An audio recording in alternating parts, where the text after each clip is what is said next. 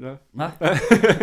Eh, nej men då får jag väl önska välkomna till jaktstugan. Eh, och som vanligt är ju vi sena. Ja. Jag hade ju en Fortnite incident hemma innan jag åkte hit. Ja. Nils uh, hörlurar slutade fungera. Kaos hemma. Ja det kan man säga. Eh, men så att vi går väl egentligen rakt på sak tänkte jag. Vi hade väl Ja. lite grejer vi ville prata om innan men vi tar det nästa gång. Ja, vi tar det nästa gång. Det Kanske. är inget viktigt. Eller kanske, nej. Jag ska bara prata om min Kiplaff och du, Ja, du gillar inte det. Nu har du gjort- nu har du gjort det. Precis. Ja. Ja. ja, Hur som haver så um, har vi ju um, Olof Reinhammar. Ja. Och eh, Anders Geijer. Ja. Ifrån Svenska Bågjägarförbundet. Som är här. Mm. Eh, och eh, vi pratade ju rätt tidigt. När vi började podda så, så satte vi upp en liten lista på vad vi ville ha, prata Mm. om och gäster och sådär. Eh, och då pratade vi just om bågjakt. Eh, att vi ville ha hit någon som eh, kunde liksom belysa det ämnet. Och nu har det ju blivit ännu mer aktuellt med tanke på att Att det är liksom ja, Jag vill ju säga på vippen och bli godkänt för bågjakt i Sverige. Men ja, jag tror att det är väl så nära det någonsin har varit. Ja. Det är ju faktiskt att Naturvårdsverket Mm. har skickat ut frågan, eller remiss. Mm. En remissrunda har gått där man föreslår pilbågsjakt. Mm. då. Nej så det, det Så det, Ja. det håller jag med om. Det är Ja. nog närmaste det någonsin har varit. Ja. Men du, ehm, ska vi, eh, vi drar en presentation av Ja. er? Äldst först. Helst först. Ja. Anders Geijer heter jag. Ja. Jag är sekreterare i Svenska Bågjägarförbundet. Mm. Och sen är jag också ordförande i Europeiska Bågjägarförbundet. Okej. Så har ni några frågor om Euro- Europa så kan Mm. jag svara på det. Mm. Mm. Det kommer säkert. Det kommer säkert lite Ja. utlandsfrågor om det. Mm. Det ska vi göra. Sen har vi ju Olof här också. eh, Som är redaktör för bågjäg, Bågjägaren. Bågjägaren. Bågjägaren. precis. Eh, Och det är förbundets egna tidning. Ja. Mm. Och eh, styrelsesuppleant. Suppleant. Ja. Ja. Jag fattar. Du, den här tidningen, kommer den ut? Den är väl en gång per år. Ja. Ja, och det beror på flera saker. Det är Mm. väl att eh, dels är vi frivilliga. Ja. Vi gör ju på fritiden. ja. Eh, och sen, det är inte så många som jagar med pilbåge och eh, skriver om det. Så det är svårt att få material helt enkelt. Ja, det är väl svårt att få till jakt också liksom för en vanlig liksom, Ja men precis. Svensson så att säga, eller hur jag ska uttrycka mig. Ja men absolut. Det är Det ju är ju inte så oftast... att man tar sin båge över axeln och går ut och pyschar ett rådjur liksom. Nej, då får man gå långt. va? Ja, exakt. Simma till Åland. Nej, det kanske inte var godkänt där. Oh, Åland är är- inga Ja, problem. Åland, ja, Åland är helt okej. Får man ta ekan. Precis. Ja, ja, men du... eh, det här förbundet då, hur länge, hur länge har det funnits? Det är nästan 30 år nu. Ja. Så att, eh, och vi är ungefär 300 medlemmar. Det har Mm. varierat över åren då. Så att, eh, och vad vi tror är det något tusental som är på något sätt aktiva bågjägare.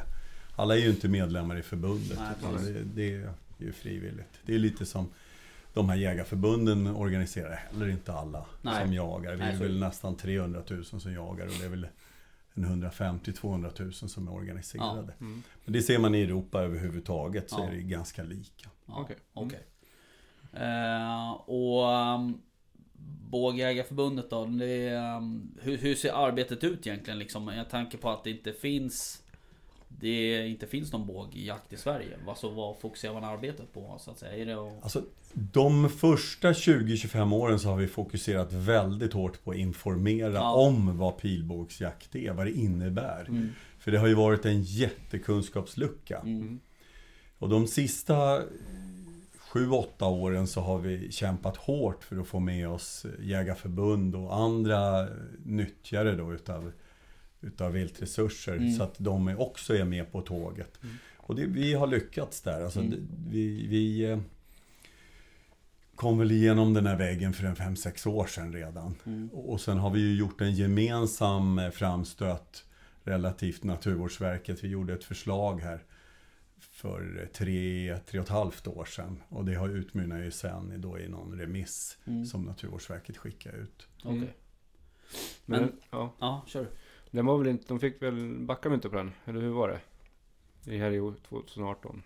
Det var inte riktigt, de var inte klara med den va? Remissen.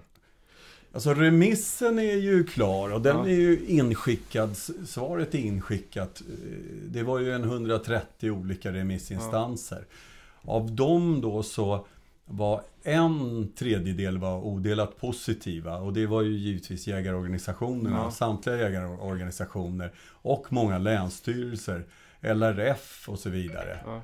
Så, så, och sen var det en tredjedel som var neutrala. Och sen var det givetvis en tredjedel som var emot då. Och det är ju djurrättsrörelsen och Ja, antijaktrörelsen. där. Så det, det du har ju djurens rätt och så vidare. Och nytologerna var emot. Och något, något som förvånar mig det är ju att Naturskyddsföreningen är med i den här konstellationen. Och tidigare har ju de aldrig egentligen tyckt så mycket om jakt. Nej. Och så kan man undra, en jaktform då som är väldigt eh, väldigt låg profil. Alltså det är inga höga ljud. Vi, vi har projektiler som är i princip eh, icke-toxiska eller inerta. Mm. Som är ett fint ord för det. Och, och likadant så återanvänder man de här projektilerna. Mm. Och det kan jag inte få ihop med en miljörörelse. Nej, nej, Det är de, lite har, skillnad de har blivit eh, lite mer eh, aktivistaktiga också tycker jag i Naturskyddsföreningen. Ja, aktivistaktiga. Det är ett nytt ord. Ja, verkligen. Eh, ja, nej det är ju... ehm, där kan man ju spekulera i varför de tyckte så då. Men... ehm, ja. Framförallt varför man satte sig i, i samma gruppering då som Ja. Djurens Rätt Ja, och ju- Djurskyddet Sverige och Ja, så visst. vidare. Ja, de är ju riktiga aktivister så att säga. Ja, men jag tycker att de hänger med de där ganska ofta jaktfrågor. Så att Ja, okej. de har väl Jo, dragit åt det hållet. Man tittar vid, på rovdjursfrågan Ja. inom jakten också. Så att Mm. är de är där och petar. Mm. Så att, ja. Men eh, ja, så är det.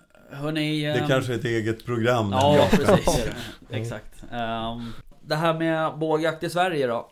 Hur... ehm, har man fått jaga med båge någon gång i Sverige? Före 1938 Ja, så kunde man jaga. okej. När den jaktlagen kom så innefattade det en, en rad begränsningar utav jaktmedel. Mm. Och vi har aldrig förstått varför man tog bort pilbåge, men man begränsade en hel rad olika jaktmedel. Och det är vi som, vi som lever nu och jagar nu inte kanske har så stor förståelse för, det är det att det fanns nästan inget vilt kvar i Sverige Nej. på 30-talet. Ja, just det. Alltså, man, man, backar man bandet till 1840-50 när Jägarförbundet eh, bildades. Man pratar ju om några tiotal rådjur då. Nere i Skåne och något hundratal älgar i hela landet. Ja. Och, och som ni vet, bävern Ja, utrotades just och så vidare. Va? Och, så, så det, och det här är ju ingenting som är unikt för Sverige, utan så här var det egentligen i, hela Västeuropa. Nordamerika vet ni ju också att Mm. man utrotade både bison och vitsvanshjort och wapiti och så Mm. vidare. Och i Afrika hade man något som kallades rinderpest och som re, åkte igenom hela Afrika. Och det är någon form av boskapspest som dödade samtliga klöv, klövvilt. Så då, även de hade alltså en, en period under 18 och, tidigt 1900-tal. Så det är först nu liksom vi- vissa av de här länderna har återfått viltpopulationer som är drägliga. Ja. Men det är det skälet till, till att man begränsade jaktmedlen i Sverige. Sen har vi en misstanke om att det möjligen var så att 1938 var Göring lite aktiv i Ja. Sverige. Jaha. Och möjligen att han var med och hade Ja, ett... okej. Men det är bara en misstanke. Ja. Teori. Ja. Teori. Teori. Teori, ja. Eh, Men eh, du pratade tidigare om också innan jag började spela in här när vi satt och surra så pratade du om något försök som gjordes. Just det. Eh, Bågjägarförbundet har ju haft en lång dialog med Naturvårdsverket. Det börjar väl spänna över tre- 25, 20-25 år. Ja. Och 98 till 2002 så fick vi ett tillstånd att Mm. jaga i hägn. Och det var ju ett väldigt kringskuret tillstånd. Alltså, den som, den som hade möjlighet att vara med, den skulle ha fullständig svensk jägarexamen. Han skulle dessutom ha åkt till Danmark och gjort den danska bågjägarexamen som fanns Jaha. som finns. Plus att han skulle, eller hon skulle, den skulle ha då en internationell bågjägarexamen. Samt att man skulle ha fällt storvilt med, med kulvapen då. Jaha. Det var du tvungen att liksom bevisa att det var så. Ja, det skulle man ju ha då. Precis. Ja. Ha no- och kunna visa den kompetensen Ja. då. Så jag, om jag inte är helt ute och cyklar så var det ungefär 30 personer som kom i fråga. Sen den andra biten var ju att hängnen skulle också vara godkända. Det här var ju i den svängen när man, när man hade tuberkulos då, bovintuberkulos i Sverige. Och vissa av de här hängnen var ju stängda helt enkelt. Eh, Och skulle skjutas ut och där fick okej. man inte vara då. Så, så det gällde att få en hägnägare med på det. Mm. Och sen samtidigt så hade, hade vi ett, ett hängande hot över oss.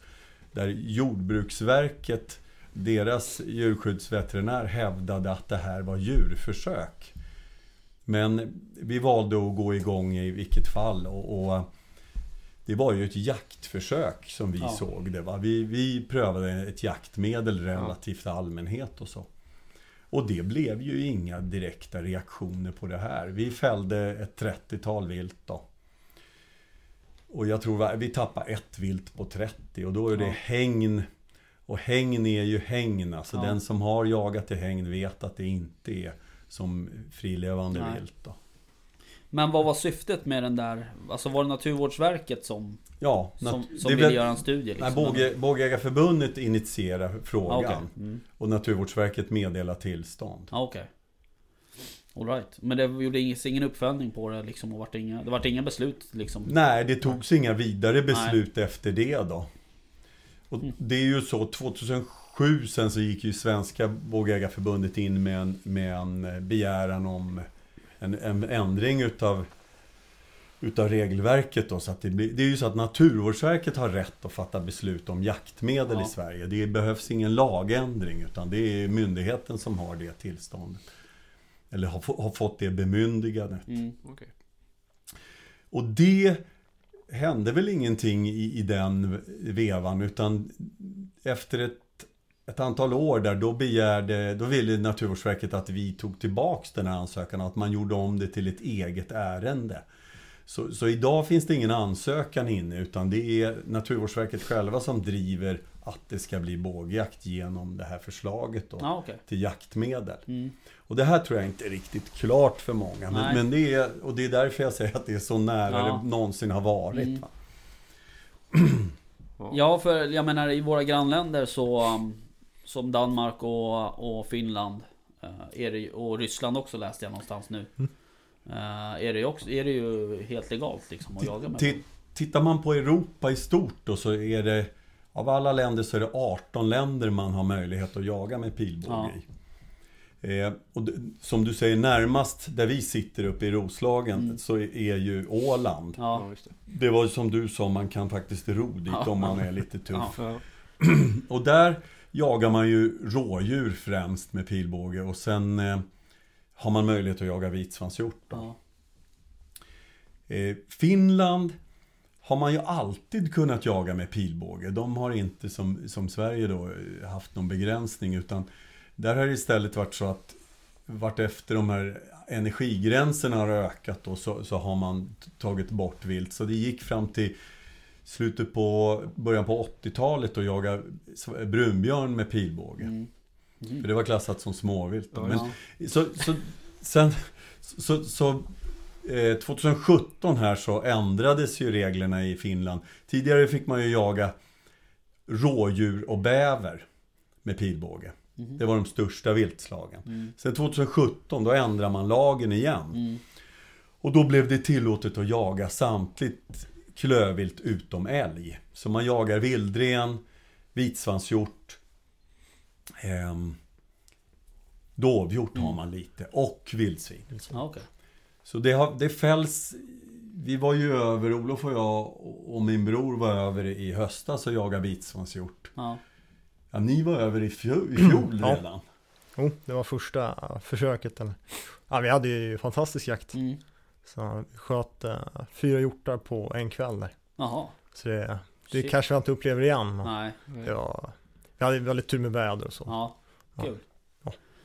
Men... ehm, Och, och idag, jo jag skulle säga Ja. det också om jag får fortsätta. ja, absolut. Det är svårt att stoppa Ja. mig när jag sätter igång. Exakt. Men 3000 hjortar räknar finska bågägarförbundet med att man fäller om året med pilbåge. Ja, Och då, och utav, utav en total avskjutning eller planerad avskjutning på 60 000 vitsvanshjortar.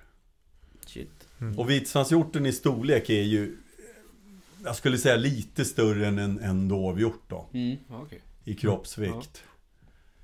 Sen har de en annan struktur då, alltså de liknar rådjur mer som i, i, eh, Beteende. de, i beteende och, och dessutom i, i spridning, alltså hur man sprider sig. De, de fungerar, de får två, tre kalvar.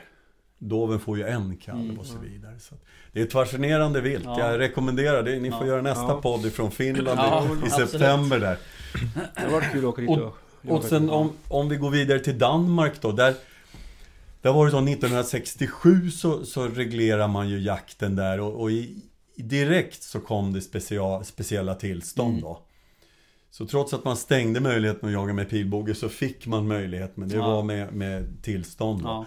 Och sen höll man på så till 99 med sådana här särskilda tillstånd då, eller ett särskilt tillstånd. Mm. 99 så ändrade man lagen och då införde man också en begränsning till rådjur eller mindre vilt. Då. Ja. Och, så, och då, då satt, ställde man också fast den utbildningssystem som är idag. Mm. Du ska ha vanlig dansk jägarexamen och så ska du ha en tilläggsutbildning då. Mm. Plus att du ska göra ett skjutprov vart femte år Mm. för, för att få jaga med pilbåge i Danmark. Då. Och det ska göras med den bågtyp du vill jaga med. Så är det traditionell eh, Robin Hood långbåge, då ska man göra det med långbåge så Ja, att okej. säga. Och använder man den här mer moderna bågtypen som kallas rekurvbåge, då ska man skjuta det med det och sen Compoundbåge är ju det de flesta jagar med. Jag skulle säga 95, 96, 97 procent använder de Vad här. var det där mitt, vad var mitten av? Re, rekurvpilbåge. Rekurv? Rekurv. Ja, det är för Ja, att det om. Nej. de här fjäderbenen, om vi kallar det det, Ja. lemmar kallar vi Ja. det på fackspråk. De svänger ju tillbaka och det är Jaha. recurve. All right, all Och right. bågtypen utvecklades egentligen samtidigt med hästerit. Mm. Så att man behövde en kortare pilbåge och då, det sägs i alla fall så. All right. Jag var inte med då än. om jag Ryttarbåge. Ja, så. Det är ju samma form som eh, olympisk skytte. Ja, okej. Ja. Om jag sett det. Ja. Mm. Ja, det var bra inspel. Ja. Eh, Och, och det Ja. andra jag ska säga om Danmark Ja. då, Kör jag får fortsätta här. Två, 2018, alltså för två år sedan, så, så ändrar man reglerna där nere också. Så att idag kan man jaga vilt upp till eh, kronhjort, dovhjort och sikahjort. okej. Men har Och de det- sikahjort i Danmark? Ja, det har man. Man har sikahjort. Det visste inte jag. Ja, Cervus elafus nippon. Mhm. På latin. Men, eh, och, och det är lite spännande. Och det är ju en treårig studie man gör då. Precis som man, när man införde den här ja- jakten 99 då på rådjur. Då gjorde man också en studie. Så alla som skjuter mot en hjort måste redovisa det. Jaha. Och det är ju inte värt så mycket eftersom du då sitter och gör det Nej. där. Men det korsrefereras mot eh, Schweizhundregistret. Vad är det? Jo, man har en egen organisation Mm. för eftersökshundar i Danmark. Och de gör sina rapporter på eftersök Jaha. som behöver företas. Vilket betyder att man plötsligt kan kors, Just det. korsrelatera en sån här studie. Ja. Så det har väl fällts i, kanske inte hundra hjortar i, i Danmark men, men eh, någonstans i det häradet borde Mm. det vara i år då eftersom det är andra säsongen. Ja. Så Olof och jag är ju med i ett jaktlag nere i Danmark Mm. och, och en av killarna där fällde en fin dovhjort i Ja. höstas. Ja. Mm, var riktigt fin. Marcus, grattis Marcus, Ja. om du lyssnar. Ja, exakt. Vi är avundsjuka. Ja, jag förstår. Om man blir lätt det. Ja. Ja, Men- vi fick lite historik och lite och ja, runt omkring. här. precis. Ehm, jag tänkte, vad det tänkte jag vi skulle prata lite om, just det här med bågjakt utomlands. Eh, och håller man på med, med sociala medier och så här och framförallt på Instagram och sådär, då är det ju Varenda amerikansk jägare eh, skjuter ju diverse vilt med, med båge liksom. Can, jämt. can. Ja. Men eh, liksom hur i USA till exempel, hur länge har man hållit på där? Oj, det... Jag tror att Wisconsin var första staten att införa en separat bågjaktsäsong. Och det är 1934 tror jag det är. Okej. Så nästan samtidigt som bågjakten stängdes Ja. här så öppnades bågjaktmöjligheterna i Jaha. Nordamerika.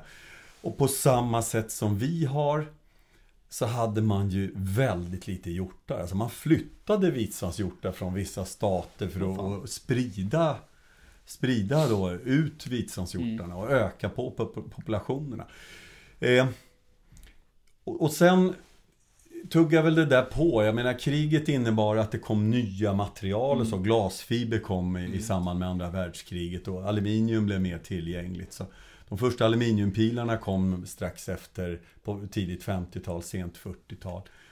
Och pilbågarna blev enklare att tillverka när man hade glasfiber som är mer Det håller över tiden så att säga. Det går inte, en ren träbåge kanske ger upp efter några år. Mm.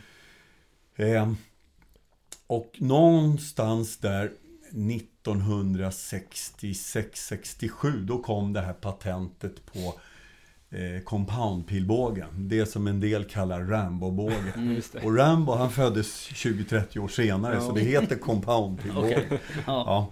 då har vi ju klart Och, det. ja. Och Viktigt. tidigt 70-tal där, då, då ökar populationen utav vitsandshjort. Och den här bågtypen kommer som är lite enklare att hantera. Men den stora grejen är att man börjar lära sig jaga från trädplattformar, mobila trädplattformar. Och det här tillsammans genererar ett jättestort intresse Mm. i, i USA då främst. Är det där utvecklingen av, av, av utrustningen liksom går till så att säga? Är det där, Alltså där, det- där man utvecklar man, mest? man har ju fyra, fyra miljoner, drygt fyra Ja. miljoner bågjägare i Nordamerika. Ja. Och de spenderar tre gånger mer pengar Ja. än den normala bössjägaren. Jaha, i USA också? Så I alltså, USA det så. På prylar. Ja. Och pilar. Ja, ja, det är klart. Och, Då och, går det ju framåt. Ja. Så är det ju. Ja. Ja, ehm, men... Och det andra är Nordamerika, man jagar ju samtliga ja, viltslag. precis. Det var det jag skulle komma till. Ja. Från isbjörn längst upp i norr, i Nunavut och i, i den här självstyrande delen utav Kanada. Ner till eh, puma och, och eh, älg och så vidare. Wapitihjort och allt. Mm. Jag tänkte på det, vi hoppar över en, en ganska intressant del. Eh, och det var ju eran, e, era egna jakter, så att säga. Var, var, ni, jag tänkte ni skulle droppa det vid presentationen, men det gick så jävla snabbt. Du får göra det vid Ja, han drar presentationen. igång va? Ja. Det går att stoppa. Munlädret bara gick igång direkt. Eh, men ni kan väl, Olof, börja du. Berätta, hur länge har du jagat med båge och vart har du Ja, jagat? Och... Ja, det är väl drygt 10 år nu. Ja, Eh, Jag började egentligen jaga med båge förrän jag jagade med bössa. ja, Eh, Och det är på grund av att Åland har sina regler mm, med, jag vet inte om ni känner till det. Nej. Har man jägarexamen då kan man uppsiktsjaga eh, oavsett hur gammal man är. Ja, okej. Eftersom du känner, eh, Anders, känner Ja. personer på Åland då, Ja. så kunde jag uppsiktsjaga eh, på de markerna. Ja, okej. Ja. Sen är det väl eh, ja, Åland, det var mycket Åland i början. Ja, Eh, sen var jag över till eh, Michigan, Mm, USA. Ja, Där sköt jag mitt första vilt med båge då. Kul. Eh, en vitsvanshjort. Ja. mm. Då var jag 14 Ja. kanske. Fy fan. Två- 2010. Ja, Ja. häftigt. Ja, så det var Ja. väldigt häftigt. Ja. Och sen har väl liksom ökat därifrån. Ja, Eh, Finland, Danmark, ja, väst, okej. eh, Sydafrika en sväng. Ja, Ja. coolt. ja, det är väl lite jämfört med vad Ja. som kommer nu då. Men Ja. eh, Anders då? Åland några vänner? Åland många, många vänner och Danmark många, många Ja. vänner. Och, och ibland så blir man ju påhoppad för man är idiot som jagar Ja. med slangbälla liksom. Och då, ofta så när man börjar prata lite om det, då det visar sig att jag har nog kanske fällt mer rådjur med pilbåge än vad Ja. vederbörande Ja. har fällt med bössa då. Ja, Men, men jag har jagat jättemycket i Danmark och på Åland och, och lite i Finland. Eh, sen har jag ju liksom det där, jag har hållit på så länge då, Mm. jag är ju ganska gammal och det betyder ju att det blir många resor Mm. till slut. Så jag jagar några gånger i Afrika, Nordamerika ganska många gånger. mm. Eh, jagat i Frankrike och ja, Mm. Om man säger så här då. Ungern. Bästa bågjaktsminnet, Olof? Det är väl kanske din första Mm. va? ja, Det, men ja, jag vet inte, bästa jakten, jag sköt en bock på Pysch Ja. i Danmark. Ja, Det var nog eh, eh, rent eh, jaktmässigt Ja. var det nog. Det är klart, första viltet är alltid stort. ja det är det ju såklart. Men, Men rent jakt, eh, ja, det var mest jakt. Liksom. okej. Mm. Anders? Ja, men det är nästa jakt. Ja, bra svar. ja, okej, snyggt. Aldrig, aldrig nog. Nej, så är det ju. Men det är lite intressant det där med, med liksom det, det bästa jaktminnet man har. Många tror att det är ens första vilt. Eh, Men oftast är det ju inte så. Utan det kan ju vara, det kan ju vara små grejer liksom sådär som gör att det blir... Att upplevelsen blir betydligt mycket större än vad första viltet blir så att säga. Jo, det är ju helheten liksom. Ja, så är det ju. Ehm, ja.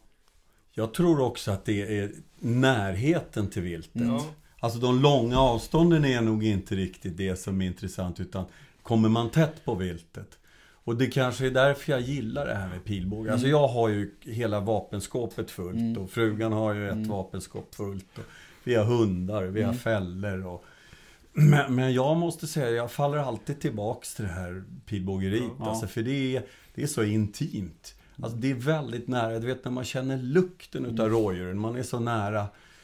Det låter ju nästan lite konstigt men jag, jag tycker det är fas- otroligt fascinerande. Och att jag kan ju inte avsluta jakten där på 60-70 meter utan jag ska in på mina 20-25 då. Mm. Och, och under den resan, de, metrarna dit, då lär jag mig en massa om de här vilten och hur de beter sig och som jag använder nästa gång då. Mm.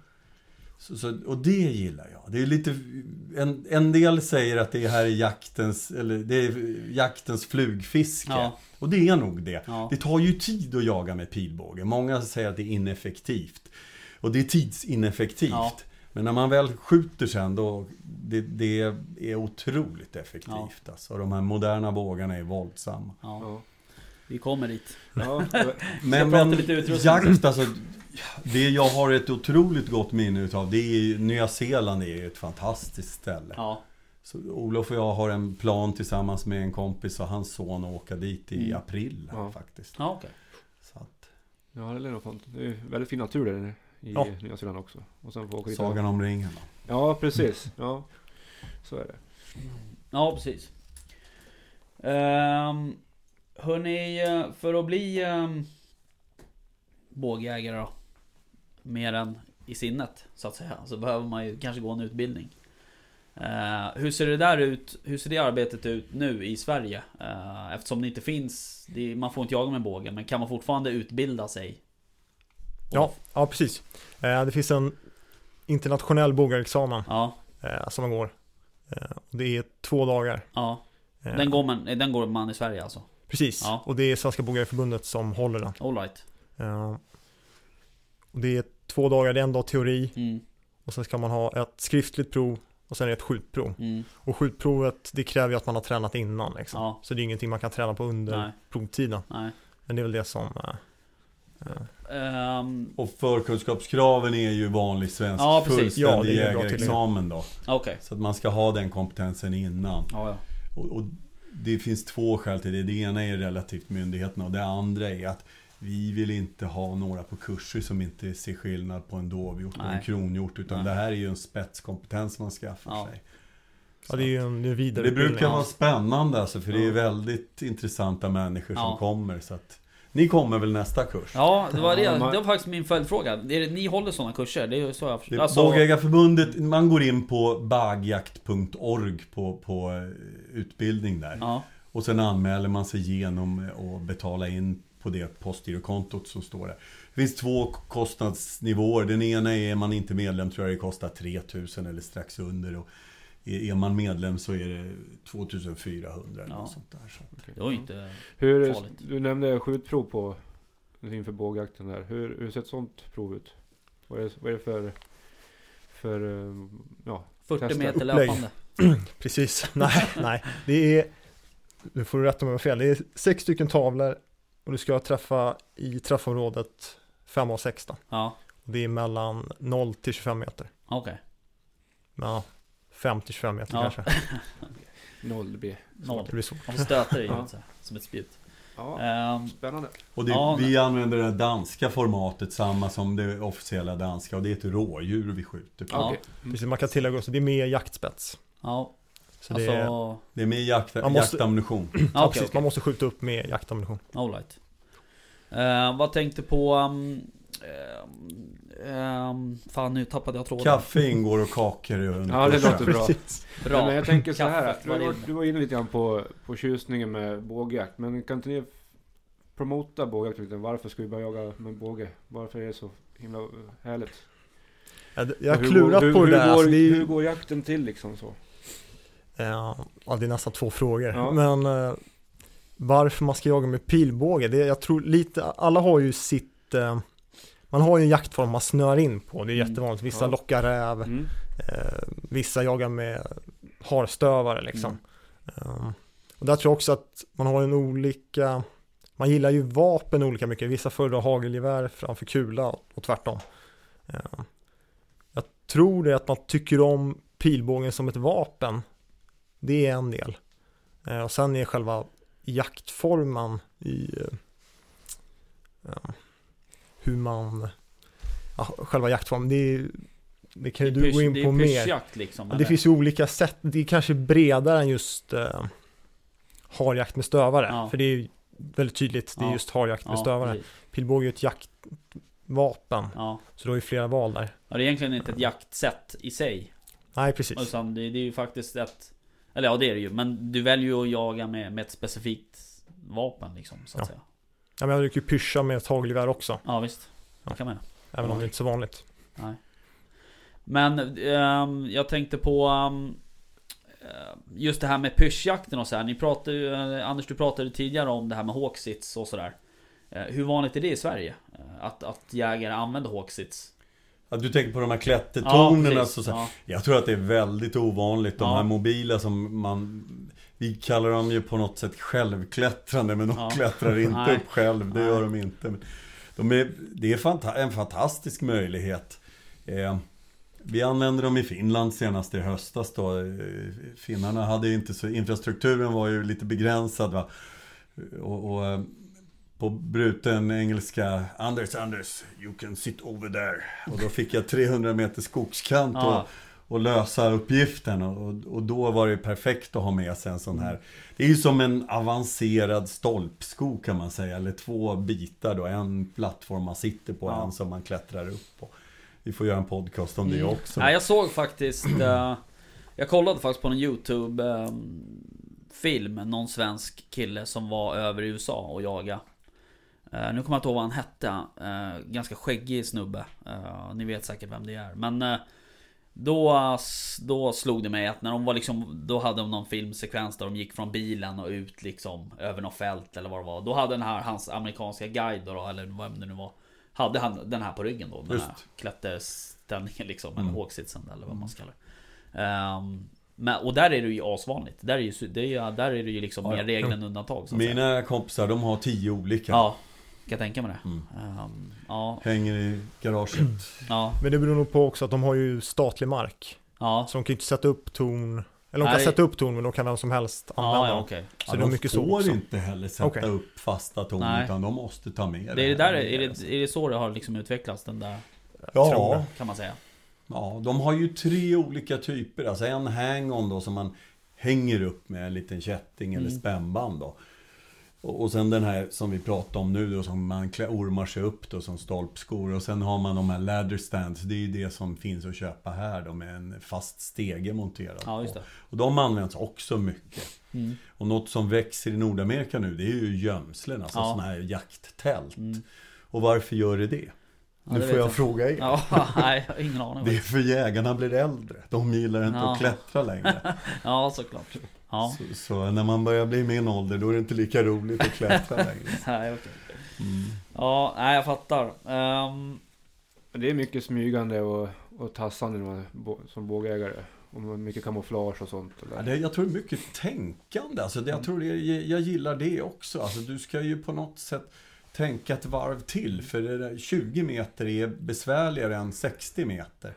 Och, och vi jagar ju oftast inte i en fältkant. Om, om vi tar vårt typiska rådjur så Mm. de ställer sig då kanske 30-40 meter in från fältkanten. Där står de länge innan det sista ljuset kommer. Ja. Sen rusar de ut Mm. 40-50 meter ut. För de vet att det där är farligaste biten. Ja. Så då är det bättre att flytta sin trädställning eller sitt pass då kanske 40-50 meter in. Och så försöker man ju sätta, placera sig själv då eh, mellan då daglega och, och, och, mat då. Mm. På växlarna. Och något som är smart som jag upplever det är där en växel delar sig. För där stannar ofta djuren Ja. till och tittar vänster höger.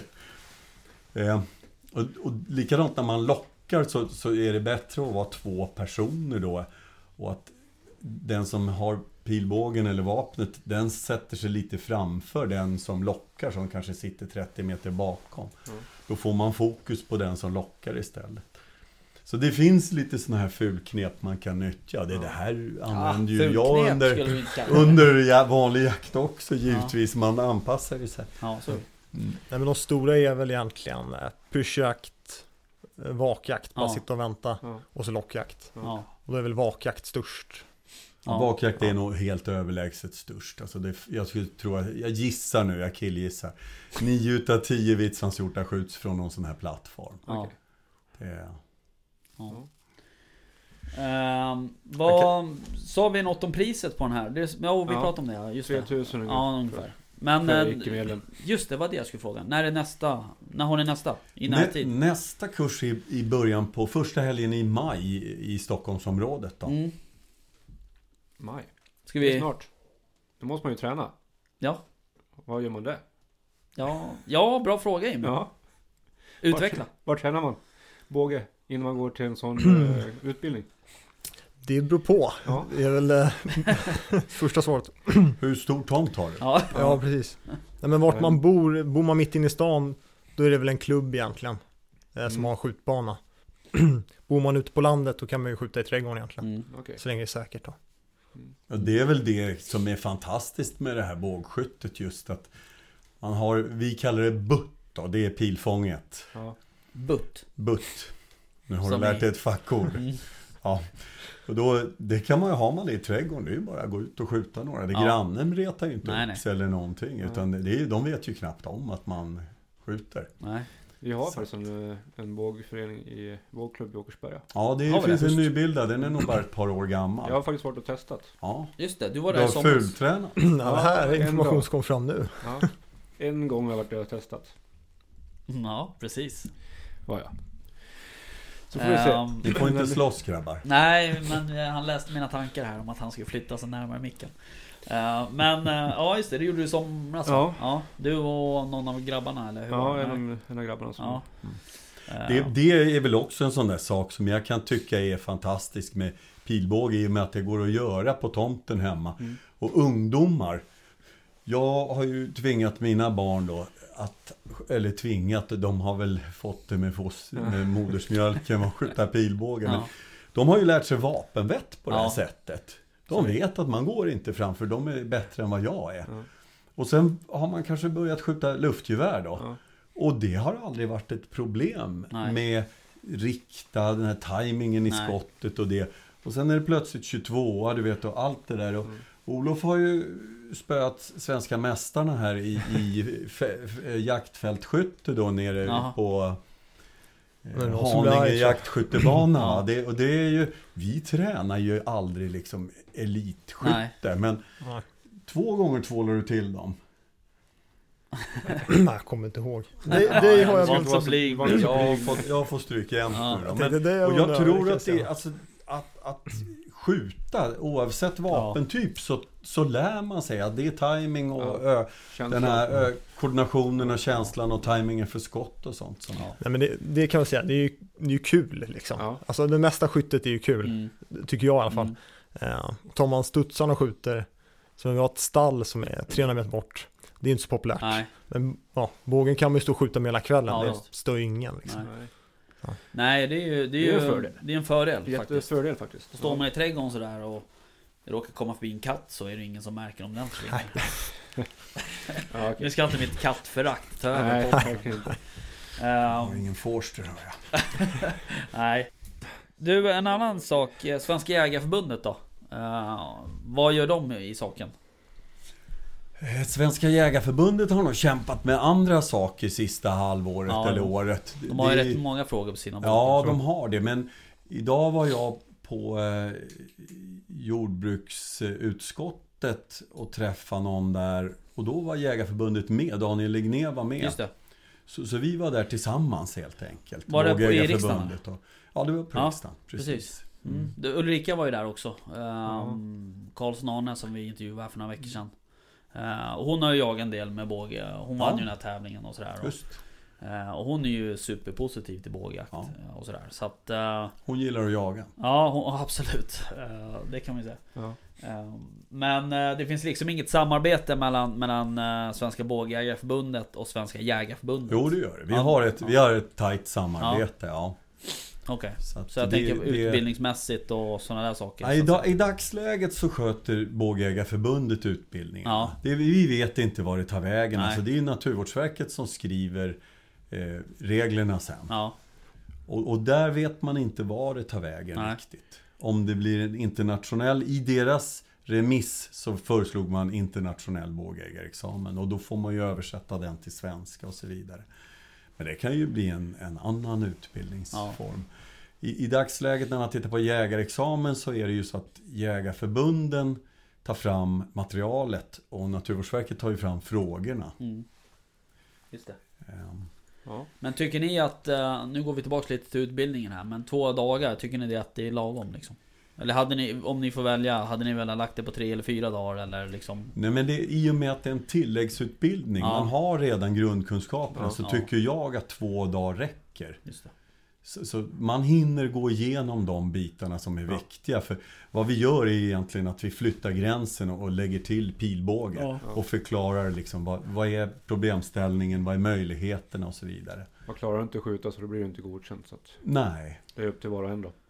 Och träna. Ja. Ja, alltså det kan man ju lägga till att skyttet, som allt skytte kräver ju träning. Mm. Så, så det gör man ju inte. Likadant om du ska ta jägarexamen på tre dagar, Mm. så hin, du kan ju inte lära dig skjuta på tre Nej. dagar liksom. Det är ju, Nej, så man kan väl kanske teoretiskt, men Jag vet inte om, om, jag har ingen erfarenhet av de här intensiv, men... ehm, nej, inte all. Så jag ska kanske inte När jag gick så, då hade vi liksom övningsskytt i sex veckor tror jag innan. Okej. Innan vi hade den här skrivhelgen liksom. Och då skulle man ju skriva då under de här sex veckorna så skulle du plugga på, då fick du ju ett mail tror jag för mig så här, Den här veckan ska du plugga på det här typ ungefär sådär. Just. Ehm, Men det är ju som du säger, man, har du tre dagar på det eller en, en, en fredag eftermiddag, lördag och söndag Då hinner du inte skjuta liksom Nej. Om du kommer från noll så att säga, har du skjutit lite innan, fine kanske men Ehm, Men ni, om, om det nu blir så att det blir lovligt um, när det blir lov. Nej förlåt, när det blir lovligt här nu snart då i Sverige Vad är det för vilt det pratas om? Att vi ska få fälla?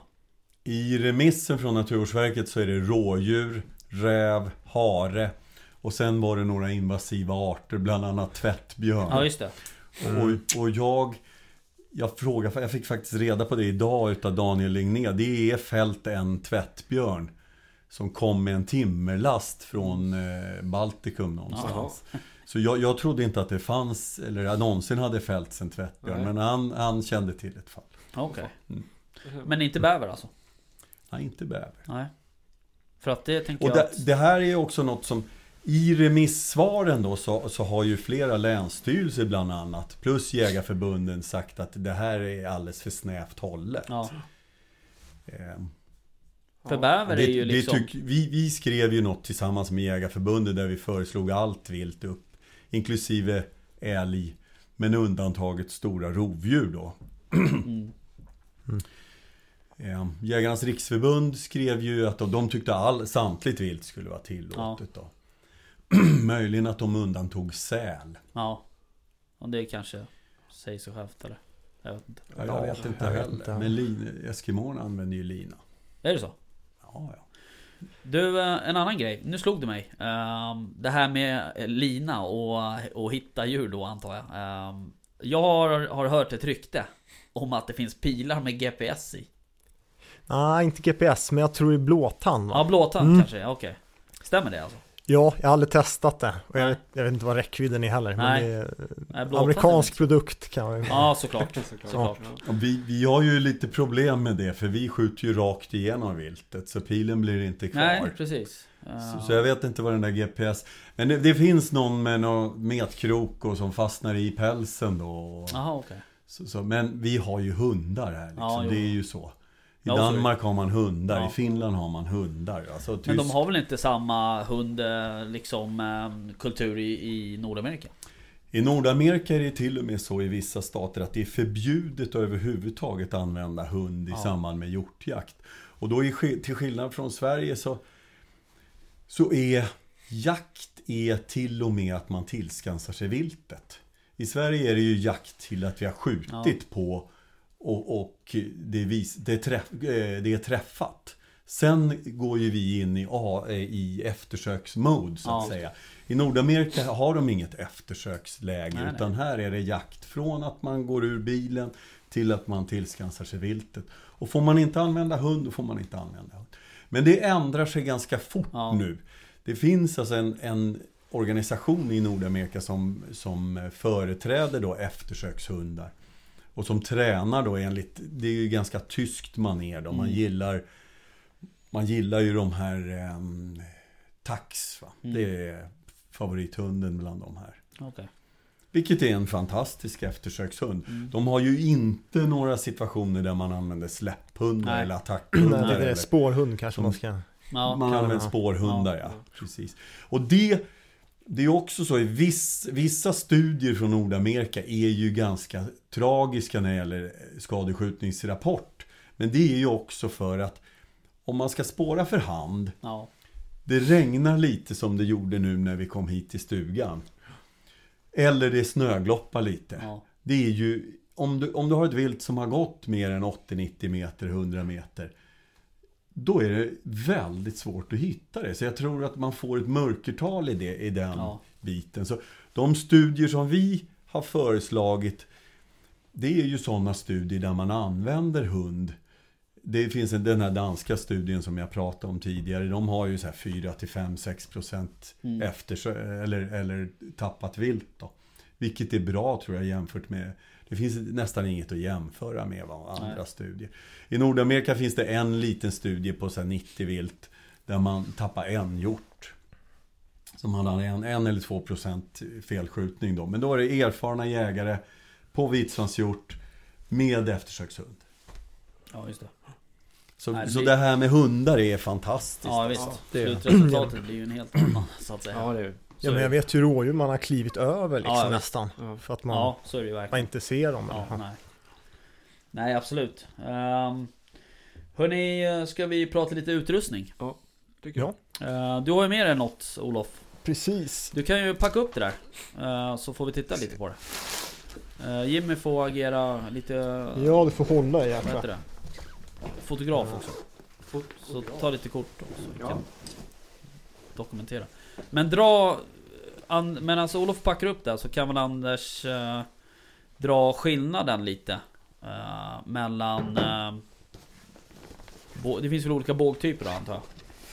Compound och... Rekurv och långbåge. det. Rekurv. Långbåge är ju det här som vi såg i, i eh, Robin Hood-filmerna. Ja. En lång pinne. Och den, den kanske har 30-40 tusen år på nacken, den Ja. här typen utav pilbåge. Den här ismannen eh, nerifrån eh, Italien, Ötz, Ötzel, han hade den typen utav pilbåge. Jo, det olika. Det som kom sen då någon gång för 6000 år sedan, det är ju rekurvbåge. Det är de här som är återsvängda. Som, och det, det var ju lite för man fick en kompaktare pilbåge. Ja. Som man kunde använda till häst då. Och sen 1966 så var det en kille som hette Wilbur Hollis Allen som patenterade compound pilbågen då. Ja. Och det är de här med, med hjul då i ändarna. Okej.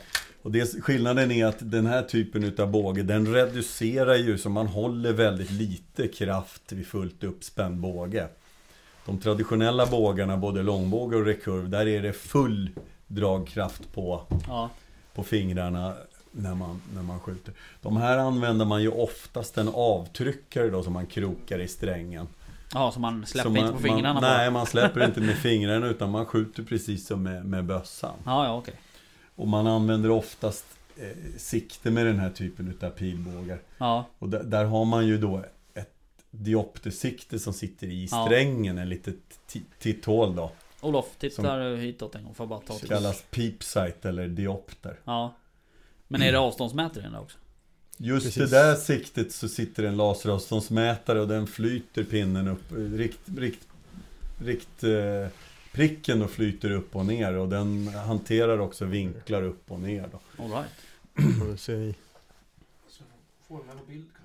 Det en Och sto- stocken på den här modellen den är tillverkad i kolfiber Ja. då. Dragstyrkan på just den här är på 70 En och en halv eller? Vad mätte du inte? Den här fäller man ju allt vilt på norra halvklotet med. Det är så. Ja. Pil, energin ur en pilbåge, det är ju också någonting som folk frågar om. Ja, Det är liksom- En- Den här bågen kanske genererar 110 joule eller 115 joule. Ja, eller något sånt. 115 typ. Tror Vilket är under en 22 lång då. ja. Men då, då måste man förstå att pils, Ja. Pilspetsen, ja. den fungerar inte som en kula. I det att den behöver expandera. Nej. Utan pilspetsen har skärande klingor. Det är ju tavelspetsar då. Som är helt... Vi har jaktspets ute i bilen. Ja. Någon hämta titta jaktspets, ja. Så, så, och, och då är det så att om man backar till sin gamla fysik och, och, och matematik, då finns det något som heter gränsvärdesfunktion en gång Ja. i världen. Men när någonting, frontalytan på en pilspets, den går ju mot noll. Ja, Så yttrycket, alltså kraften per ytenhet på en pil är, är ju jättehögt. ja.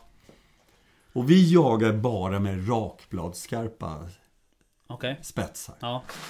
Det, men det finns andra olika, eller vad, ja. Det finns ju också för, för väldigt smått vilt, alltså klass 4 vilt, Ja, okej. så finns det något som man kallar bluntspets. Och blunt är ju trubbig på engelska. ja.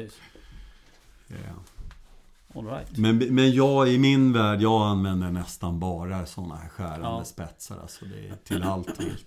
Och eh, prismässigt, om man ska ha en båge liksom av av bra kvalitet liksom. eh, En Tikka Ja, T3-båge, den exakt. kostar ungefär som en Tikka T3 Ja, då. Ja, Man får ge en 8-10 tusen för en sån Ja, okej. båge. Och sen, sen finns det ju liksom pilbågar som kostar uppåt kompletta då 30 000 Ja. om man vill ha det. Men man kommer väldigt långt med en sån här båge för någonstans mellan 7 och 10 000.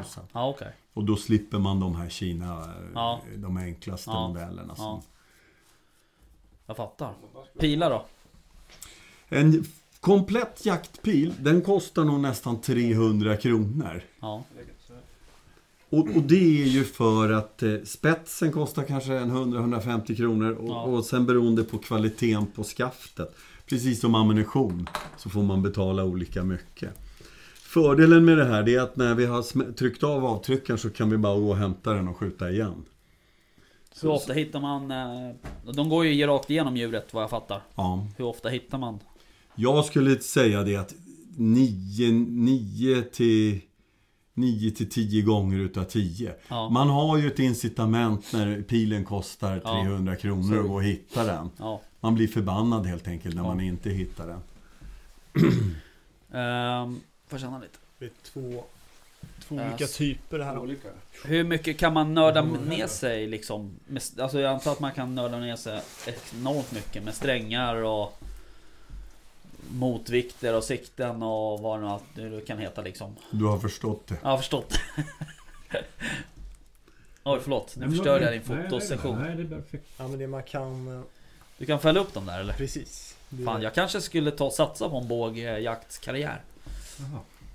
Skär inte nu. Nej, det är lite... Ja, det är bäst att proff, proffsen gör det där. Det här är då en, en modernare spets som kallas mekanisk spets eller utfallande spets. Så I samband med att man skjuter så får man mindre, mindre styrförmåga. JAS-effekt kan vi kalla det. Och när, när pilen drabbar viltet så fäller de här bladen ut. Okej. Jaha. Och den här ger en, en eh, sårkanal på ungefär 50-55 mm då.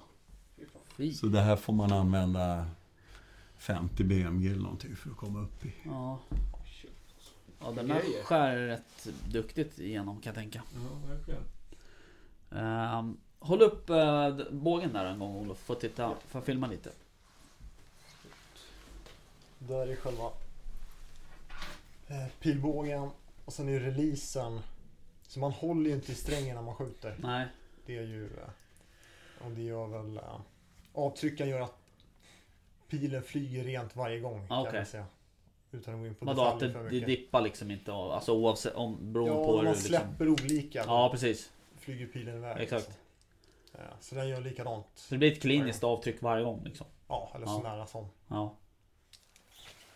Och sen siktet är väl inte standard. Nej. Det ser inte standard ut. Nej, Ni är proffs också. Så. ja, det är under test. Ja okej. Mm. Men eh, vilka är det som gör det där siktet? Det är Garmin. Ja det är det va? Ja. Ja det var det jag hade för mig nämligen. För jag har Ja. sett det någonstans i någon annons. Jag hade varit lite förvånad över att just Garmin gör ett, ett, eh, liksom ett sikte så att säga. Jo. Eh, och det kommer en, eh, en test i tidningen. Ja, Därav. okej. Ja. Och den där, um, är det en motvikt där nere på bågen eller? Ja. Den precis. Och den kan man ändra den- beroende på... Precis olika längder och sen olika mycket vikt. Ja, Och den här är också, den tar ju vibrationer då, det är en gummi. ja okej okej. Ja. Sen ett koger. Det är där du har eh, Ja. Magasin. Har man inte pilarna på ryggen? Hollywood va? Robin Hood? men Ja. det, det finns ju lite olika varianter. Man kan ju ha ett höftkoger också. ja, just det.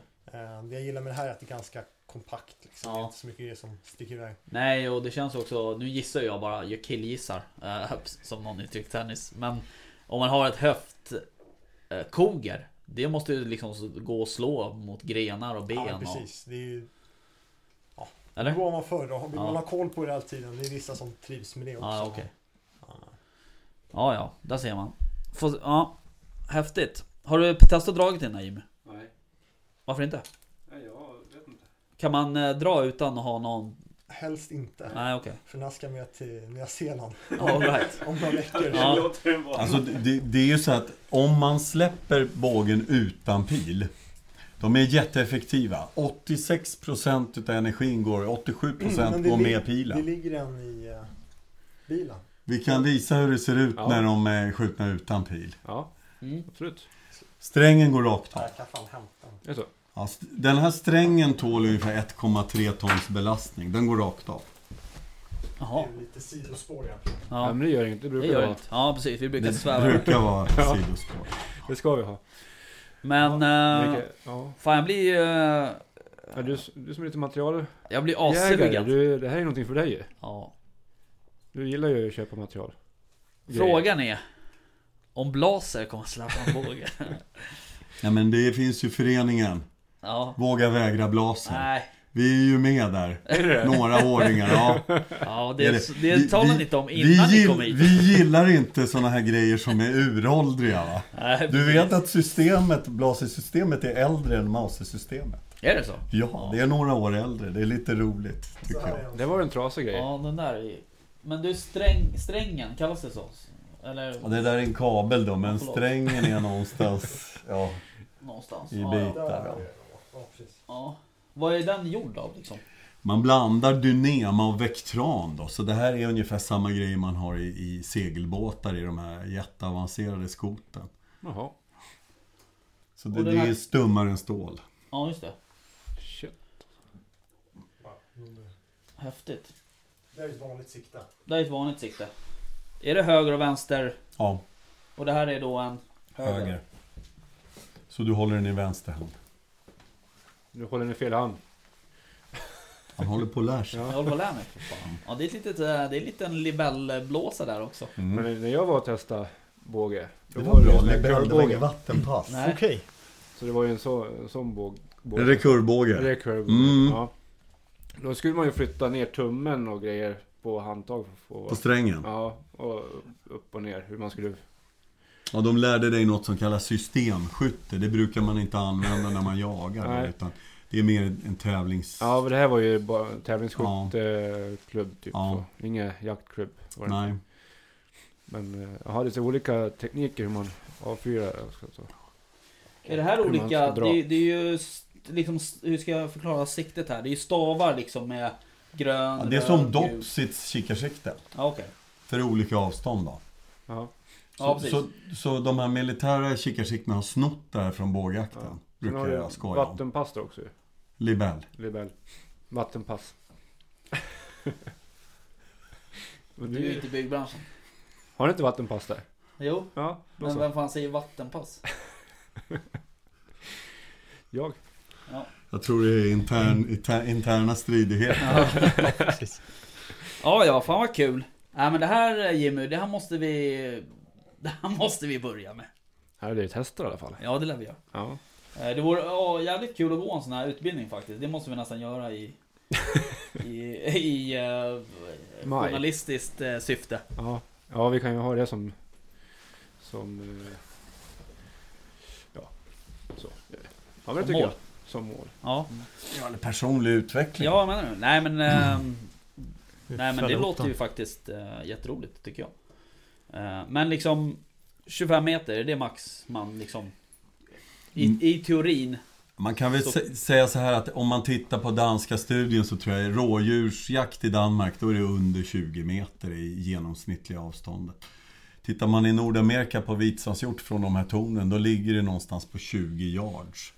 Sen Jaha. är det ju så, åker man västerut i Klippiga bergen där borta då skjuter man ju på längre avstånd men det är också större vilt.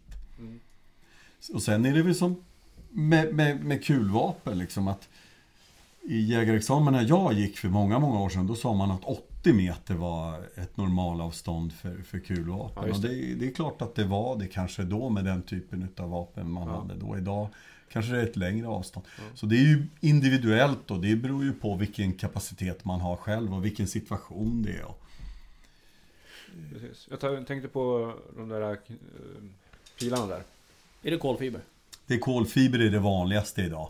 finns träpilar för traditionella Ja. och sen finns det ju aluminiumpilar och sen finns det kolfiber i princip då.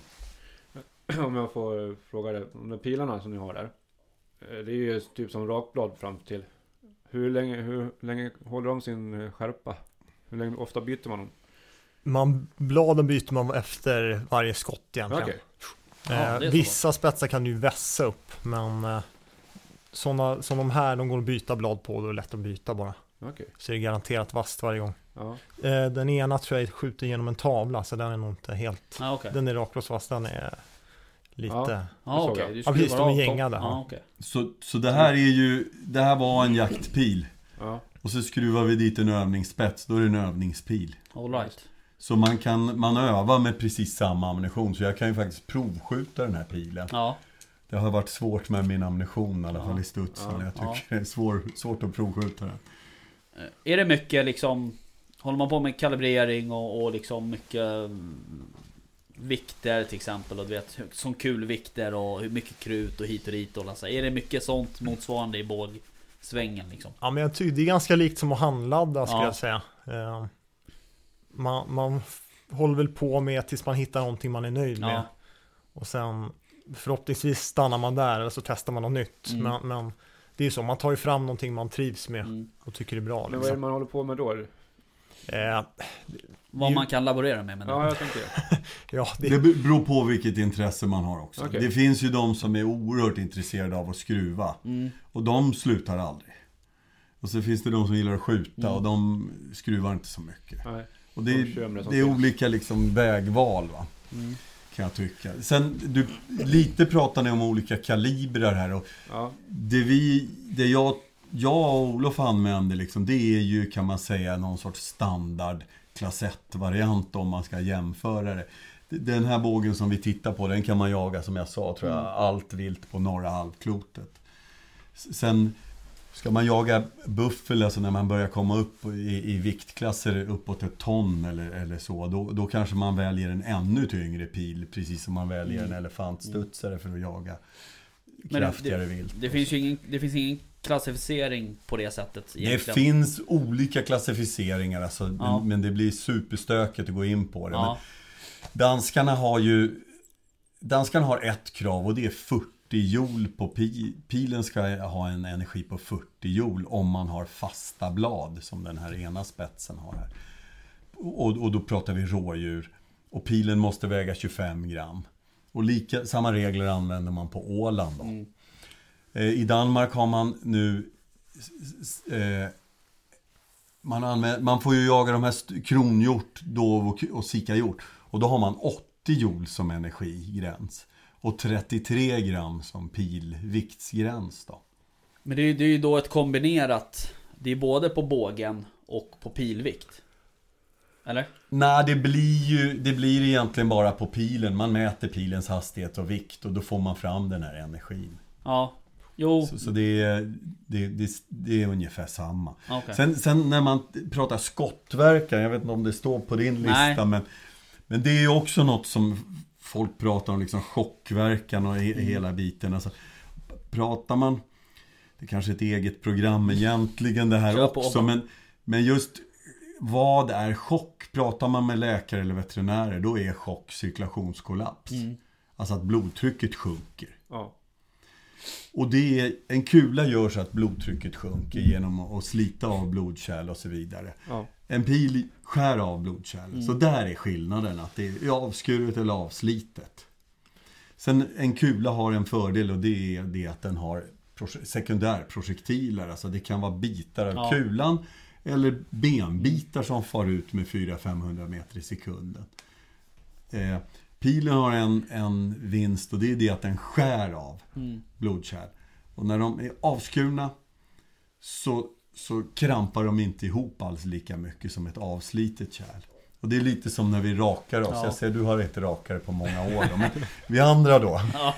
som rakade oss i morse. Ja. Vi, blödde ju flera timmar Ja. efter det. Nej, men, alltså det är lite det va, att, att slår man sig på tummen med Ja. hammaren som i din bransch. Ja. Det blöder ju Ja. inte utan det, det blir en koagulering där Mm. inne i tummen. Men däremot skär man sig i tummen då är det ju omöjligt nästan att få stopp på det. Och det är lite där, om man hårdrar det så är det där någonstans skillnaden ligger. Men det, det dräper, bägge systemen dräper Mm. effektivt. Vi har ju immobiliseringstider på någonstans 10 till, till 30 sekunder med pil. Då. Mm. Och det är nog ungefär vad jag har med, med, med kula också. Ja, men om jag kommer ihåg Bengt Juréns, eh, han är läkare som har skrivit ett dokument om Ja. hur, fun- eh, ja, hur chock funkar. Och det är när kroppen har förlorat mer än 20% eh, blod, Ja, då går kroppen in i chock. okej Och det är väl, ja, så om du gör det med en kula eller med en Nej. pil, det, kroppen bryr sig liksom inte. För, och, och jag vet ju, om man, många pratar ju om att, att man skjuter rådjur med hagel och sådär Att det blir, Ja. en, en, det blir en chock. Det blir en kortslutning liksom. Men egentligen Jag har egentligen aldrig upplevt det så att säga. Alltså Nej, jag har skjutit vilt med kula som har klappat ihop direkt. Och det är klart det har jag väl gjort med hagel också Men det blir inte samma liksom Jag upplever inte att det blir en, en, just en chock Jag tror att det är fel ord man använder kanske Men det Mm. kanske är som ni säger då Alltså det, det är när viltet faller ner på plats, det kallas ju immobilisering. Ja. Liksom. Det är det uttrycket man ska använda. Sen betyder det inte att djuret är dött. Nej Så, så, men, men det är... Ja. Ja, det är också en, det är en egen diskussion Ja nästan. jo så är det ju såklart Men, men, ja. Men Ja, men det är som uttrycket skadeskjutning. Va? Det är Ja. aldrig kvantifierat heller. Nej. Vad är, är det 10 sekunder? Är det ett 50 sekunder? Eller svensk, svenska fällor, när man testar dem, då är, det, då är det tre minuter. 180 sekunder så ska djuret inte visa, upp, uppvisa livstecken. mm. För dödande fällor. Ja Okej. Typ mink ihjälfällor Ja, just det. De är bra. Ja, de är bra faktiskt. Ehm, men du... ehm, om man nu vill köpa... Säg en båge. Är det bara att göra det? Är det... Är det, alltså, Det finns inga begränsningar, det finns ingen tillståndsplikt för Nej, pilbågar. nej. Det, det sker ju extremt lite kriminella dåd med Ja, pilbågar. Senast var väl någon nere i Norrköping som rånade någon mack va, med någonting. Ja, det är- ja det, nej men Ja. jag såg det. Men är, är, det, innan- det, är det någonting som eh, ni vill ha? Att det ska bli, bli licenspliktigt? Alltså, Det man öppnar ju för en eh, jättediskussion då. Ja, såklart. Ja. Baseballträn, Ja, köksknivar. ja. Det som, Alltså, det som Stekpannor. myndigheten gjorde, alltså jag pratade ju med den som var med och skrev lagstiftningen då. När man, det är ju tillståndsplikt på armborst. Jaha. Du ska ha licens på ett armborst. Eller ett harpungevär. Ja. Och det är vapen som lagrar energi. Ja. Alltså som kan Som spännas kan upp spänna upp ja. och som kan, egentligen är det så här, jag, får jag hit med pengarna, jag kan sträcka fram ena handen och sen hålla andra fingret på avtryckaren. Om man gör det bildligt då. Och, och då är pilbåge fortfarande är det som en hammare eller någonting. Och det slås ihjäl många fler varje Ja, år visst. med en vanlig hammare. Jag brukar skämta lite och säga Skeppshult 28 cm, den ska man inte underskatta va? Licensplikt på den. Ja, och det, och det är långt innan det ska vara någon Ja. tillståndsplikt på pilbågar kan Ja. jag tycka. Sen har vi kanske 100 000 pilbågar idag som är potentiella jaktpilbågar som är i cirkulation i Sverige. Mm. Och, och ska man göra som med de här licenspliktiga luftgevären, att det där ska få skvalpa runt och i evigheter. Nej.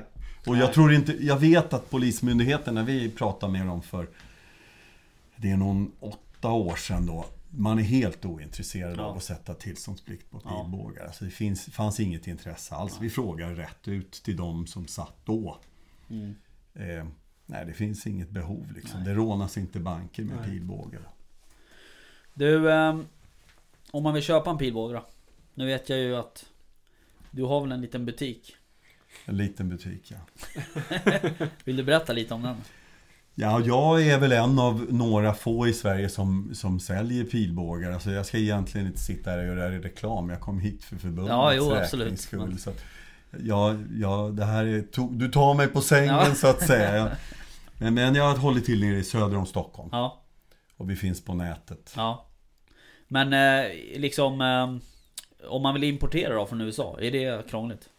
Nej, det är inte krångligt. Det enda man ska komma ihåg det är det att det tillkommer tull och moms. Ja, Och det tillkommer på varans pris och på frakten. ja, okej. Så, att, eh, så det blir ungefär samma priser som i Sverige när, Ja. man, väl, när man väl får hem det.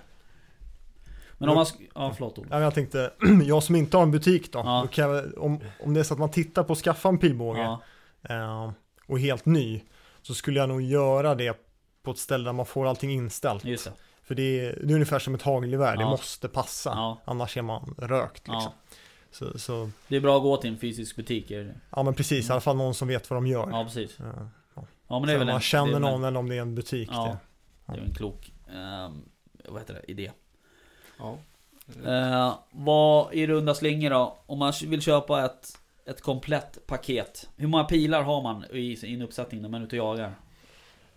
Finns det någon standard liksom så att säga? Brukar man Alltså, ha fyra, fem stycken eller? Ja men 20, jag vet inte, 30, om du var på Nya Zeeland kanske, hade du ett, väldigt många. Ja, Jag kanske har tre i Danmark. Ja. Så det är ju, ja. ja precis. Jo det är klart, det är väl lite efter situation också kanske. Men, Eller resa så att säga. Men om man vill köpa ett komplett paket då? Med säg 10 pilar. Vad hamnar man på? Man hamnar någonstans mellan 6 och 10 000 för någon Tikka T3-variant Ja. som vi pratade Ja. om tidigare. Då. Och sen gränsen uppåt är ju Ja, oändlig. ja. Det, det, det är ju som den här nya, vad heter den här? Ni gillar ju de här blaser med integrerad ljuddämpare va? Exakt. Det gillar Var vi. det 100, 100 Jag kör ju Ticka så att jag är nöjd med det. Ja, jag har kört alla möjliga Saco, Ticka och Merkel och allt möjligt. Men... Nej men okej, då vet man. Mellan 6 och 10 då ungefär. Och då har man liksom en, då har man också, tycker jag, en pilbåge som man inte byter på en Nej. gång. Köper man något enklare än det, då blir det så här, ja, vad fasen köpte jag en sån här Ruger Ja. för? Va? Jag vill ha en Ticka. Ja. Be om ursäkt till Ruger va. Så att, Nej, men jag känner grabbarna på Saco. Ja. Eh, vad tänkte... Nu eh, tror jag väl att... ehm, att jag har nog inga fler frågor sådär. Det var ju... Vi fick ju den här av Christian. Eh, men den tog du upp själv där med, med klasser och sånt på kaliber eller motsvarande så att säga. jag vet eftersök brukar vara en sån här grej som kommer upp ofta. Ja, Hur man bedriver. Jag vet inte om det är någonting ni vill. Ja, det kan man ju absolut. Om man är ute och pyschar ett rådjur och om man inte skulle hitta det. Då, du får ju inte göra ett eftersök med pilbåge, eller? Om man skulle titta på, du får ju göra ett eftersök med pilbåge. Ja, Men eh, likadant som jag skjuter på någonting med min pyschbössa Mm. liksom.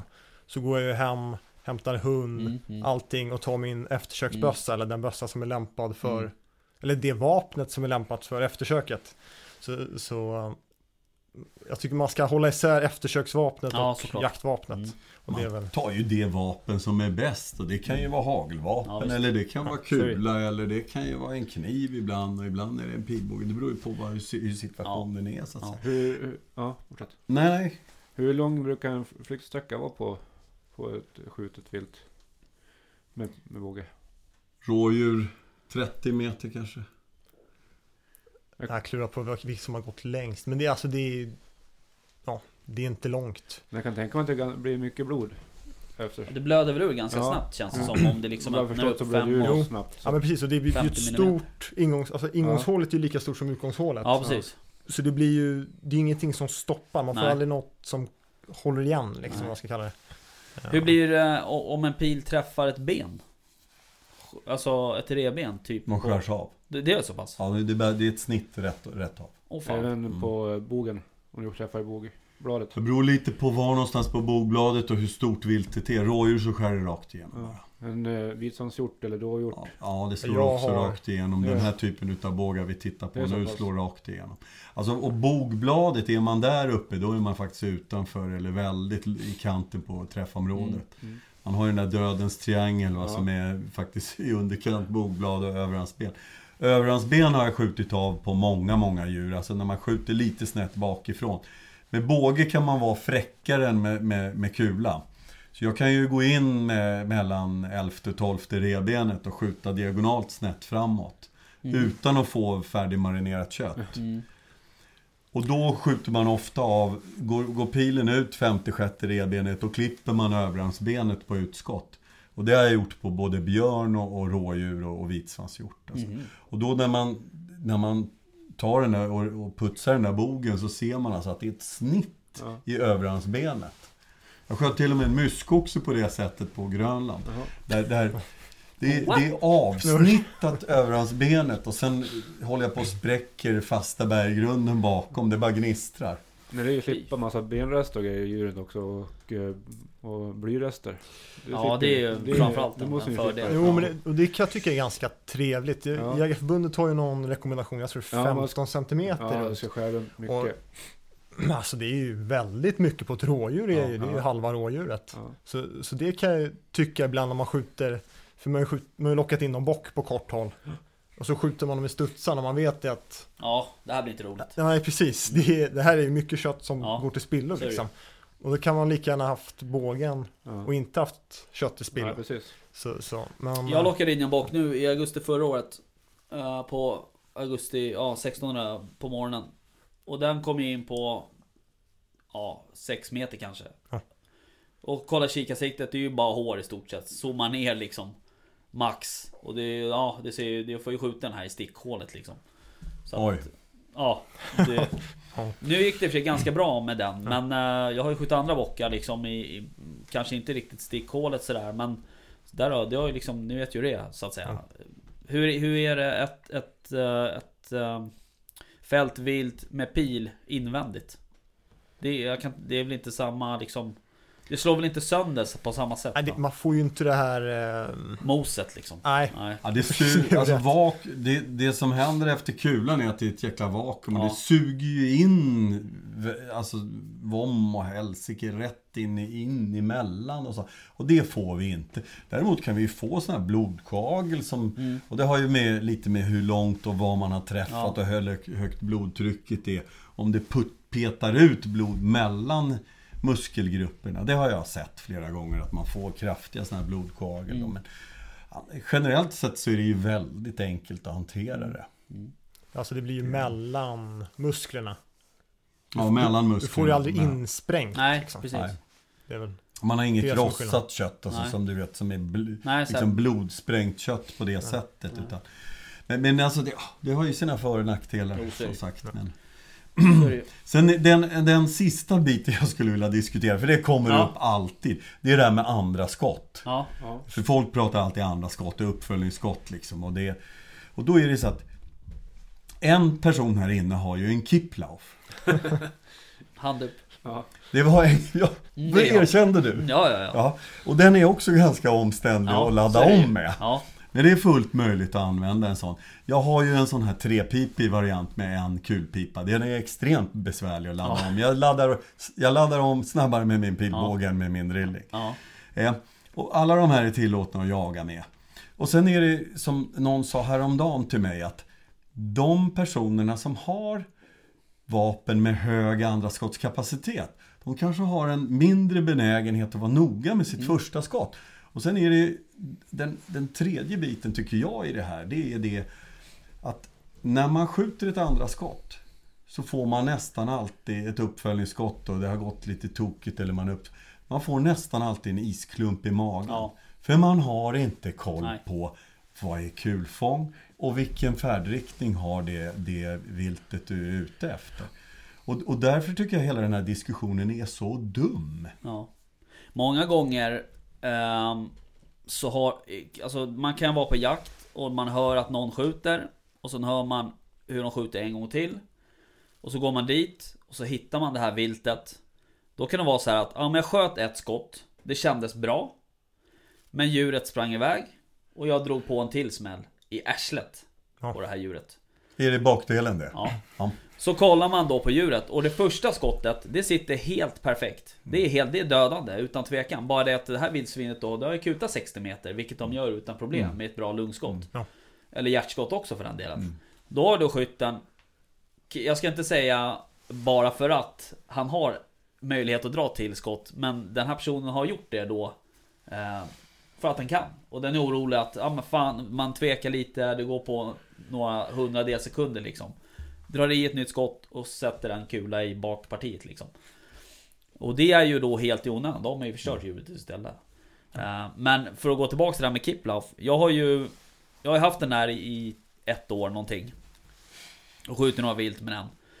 Men varje gång jag skjuter ett vilt så är det ju så att det, jag tar ju mer tid på mig med den. Se till så att jag har bra stöd, bra kindkontakt, att djuret står på rätt sätt. Eh, innan jag tycker av. Alltså går jag på en, Ja. går jag på en drevjakt med min blasärrotta. Och då kan jag mata på Ja. bäst jag vill liksom. Men det, du går ju inte med båge på en drevjakt heller. Nej, nej, antar såklart. Men alltså, du, har ju du förstår vad jag menar. Djur, du kommer nära. Men oftast de här andra skotten, tredje skotten, de kommer ju på drevjakter. Ja, nej, jag skulle nog inte vilja säga det. Alltså, nej, varför skulle de göra det för? För Alltså, att du, oft- när du sitter du och vakar eller pyrschar så får, då väntar du in djuret du får klockrent innan du lägger av ett sk- första skott. ja, Så då bör det inte bli ett till skott. nej, bör jag. Men alltså, Nej men det, det ska inte vara det. Nej men haft- många, många tänker ju inte så som du tänker. Alltså många tänker ju liksom att Nej men jag har ett tillskott, jag drar iväg det. Om någon säger att djuret börjar kuta, då drar de ett tillskott. Ja, ja, Det så skulle jag nog säga. Men... eh, Ja, det är nog väldigt, jag, jag tror att man träffar på både och. Va? Vissa är ju stensäkra på att liksom, det är ett skott och Ja. sen det jo, klart. så kan det ju vara också och, såklart. sen, Men- och sen har du de som ja, sätter två, tre skott Ja. extra bara för att... eh, Jag, jag tror också det, det var ju intressant det du säger där med din Kifflauf. Och det, det är också så att jag, jag jagar som sagt med alla vapen och det är att när jag tar min hagelbössa då har den vissa förutsättningar. Ja. Din Kiplauf har vissa förutsättningar. Min eh, Saco då har vissa förutsättningar. Och min pilbåge har ytterligare ett antal förutsättningar. Och det här accepterar jag när jag tar med den här vapentypen. ju. Och därför har inte jag något problem med vilken vapentyp man använder. Nej. Utan det är nog snarare så att omdömet sen är mycket viktigare än vapentyp. Att den som står där, att den personen har ett, ett sunt förhållningssätt till situationen. Han kan bedöma liksom, färdriktning, i- hastighet, typ av vilt och skottplacering och så vidare. Det där, jag var ju asnervös när jag sköt min första bock med den här kipplaffen. För att jag hade bara ett skott. just. Alltså, nej men jag var det. Att jag, jag, du vet, jag tänkte flera gånger så här bara fan Det här måste sitta liksom. Och jag kan tänka mig att det, det är så med båge också. Alltså man, man eh, koncentrerar sig mer eller man, man försöker mer. Det Alltså, känns jag- fel att säga men Jag vet inte, alltså jag tycker... Ja, jag, jag vet... Ja, ja, ja.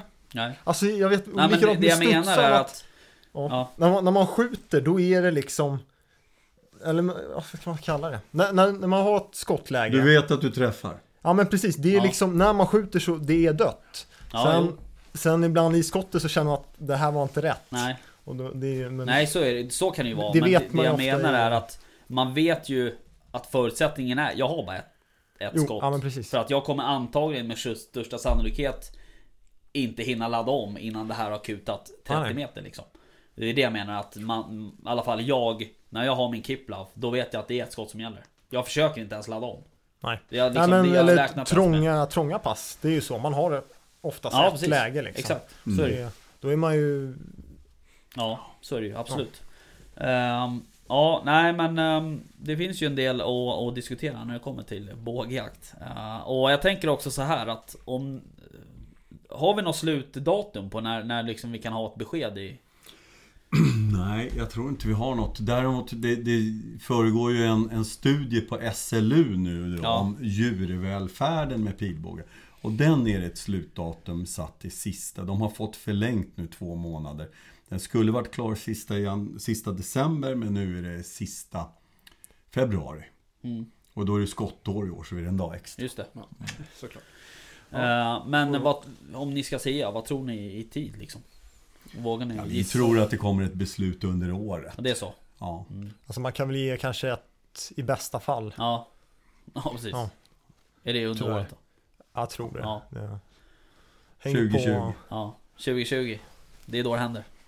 Ja, Antar jag. jag tror det. Tror det. Ja, jag hoppas det. Ja, Faktiskt. men eh, ja, vi med. om det Oavsett om det är i år eller nästa år Så um, eh, Får ni komma tillbaks och berätta när det händer något Och om det händer något, så vi får hålla kontakten Det betyder att vi har skött oss idag. Ja, ja, för Vi fan. har eh, Ja, ja Det tycker jag absolut Ja, vad tycker du? Ja, absolut.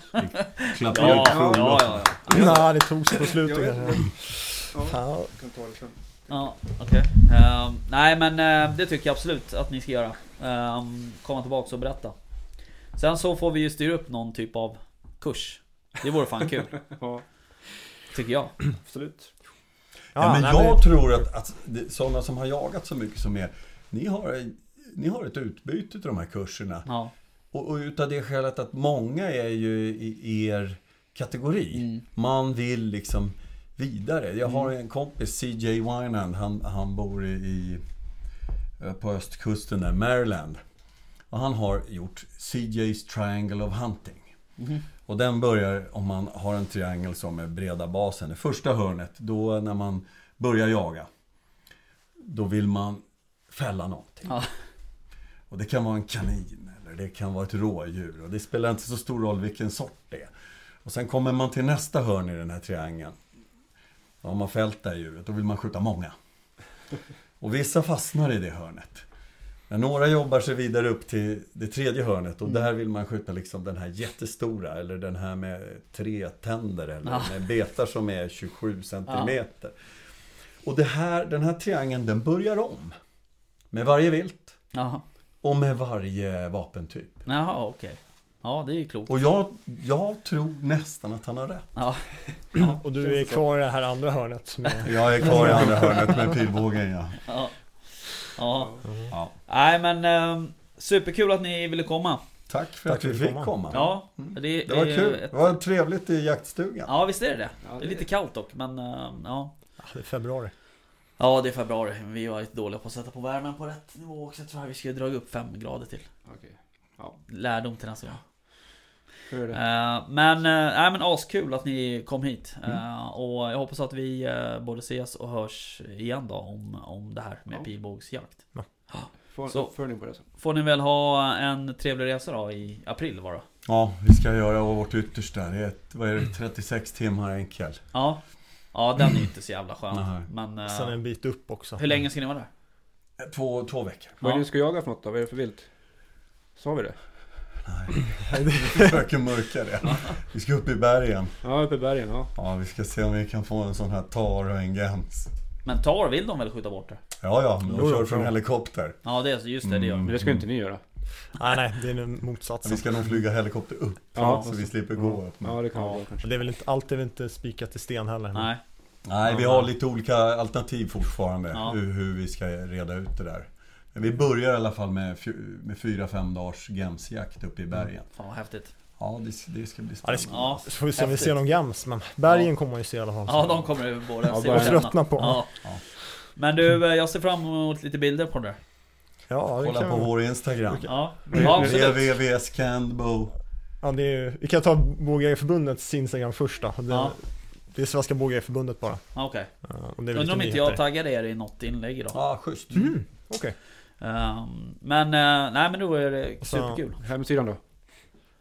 Hemsidan är eh, bagjakt.org. Mm. Bågjakt med Och där hittar ni kurserna också. Ja. Bagjakt.org då ja. Mm. Och likadant om det är några frågor eller eh, Mm. ja. Lokalklubbar finns där också. Ja, Som är kopplade till just det. Ja. I våran klubb här är Åkersberga kopplad till... Det är en, en eh, bågskytteklubb. Mm. Bågskytteförbundet är lite, de, okej. de är rädda för licenser Ja, okej. för pilbågeriet. Alltså. Jag fattar. De, eh, Vi ska inte öppna den dörren idag kanske. Nej. nej, vi skiter. Ja, nej nu åker vi hem tycker jag. Men Ja. ehm, tack för idag hörni. Ja, tack så mycket. Ja. gick inte, eller vad var det hemma? Precis. Tack själva.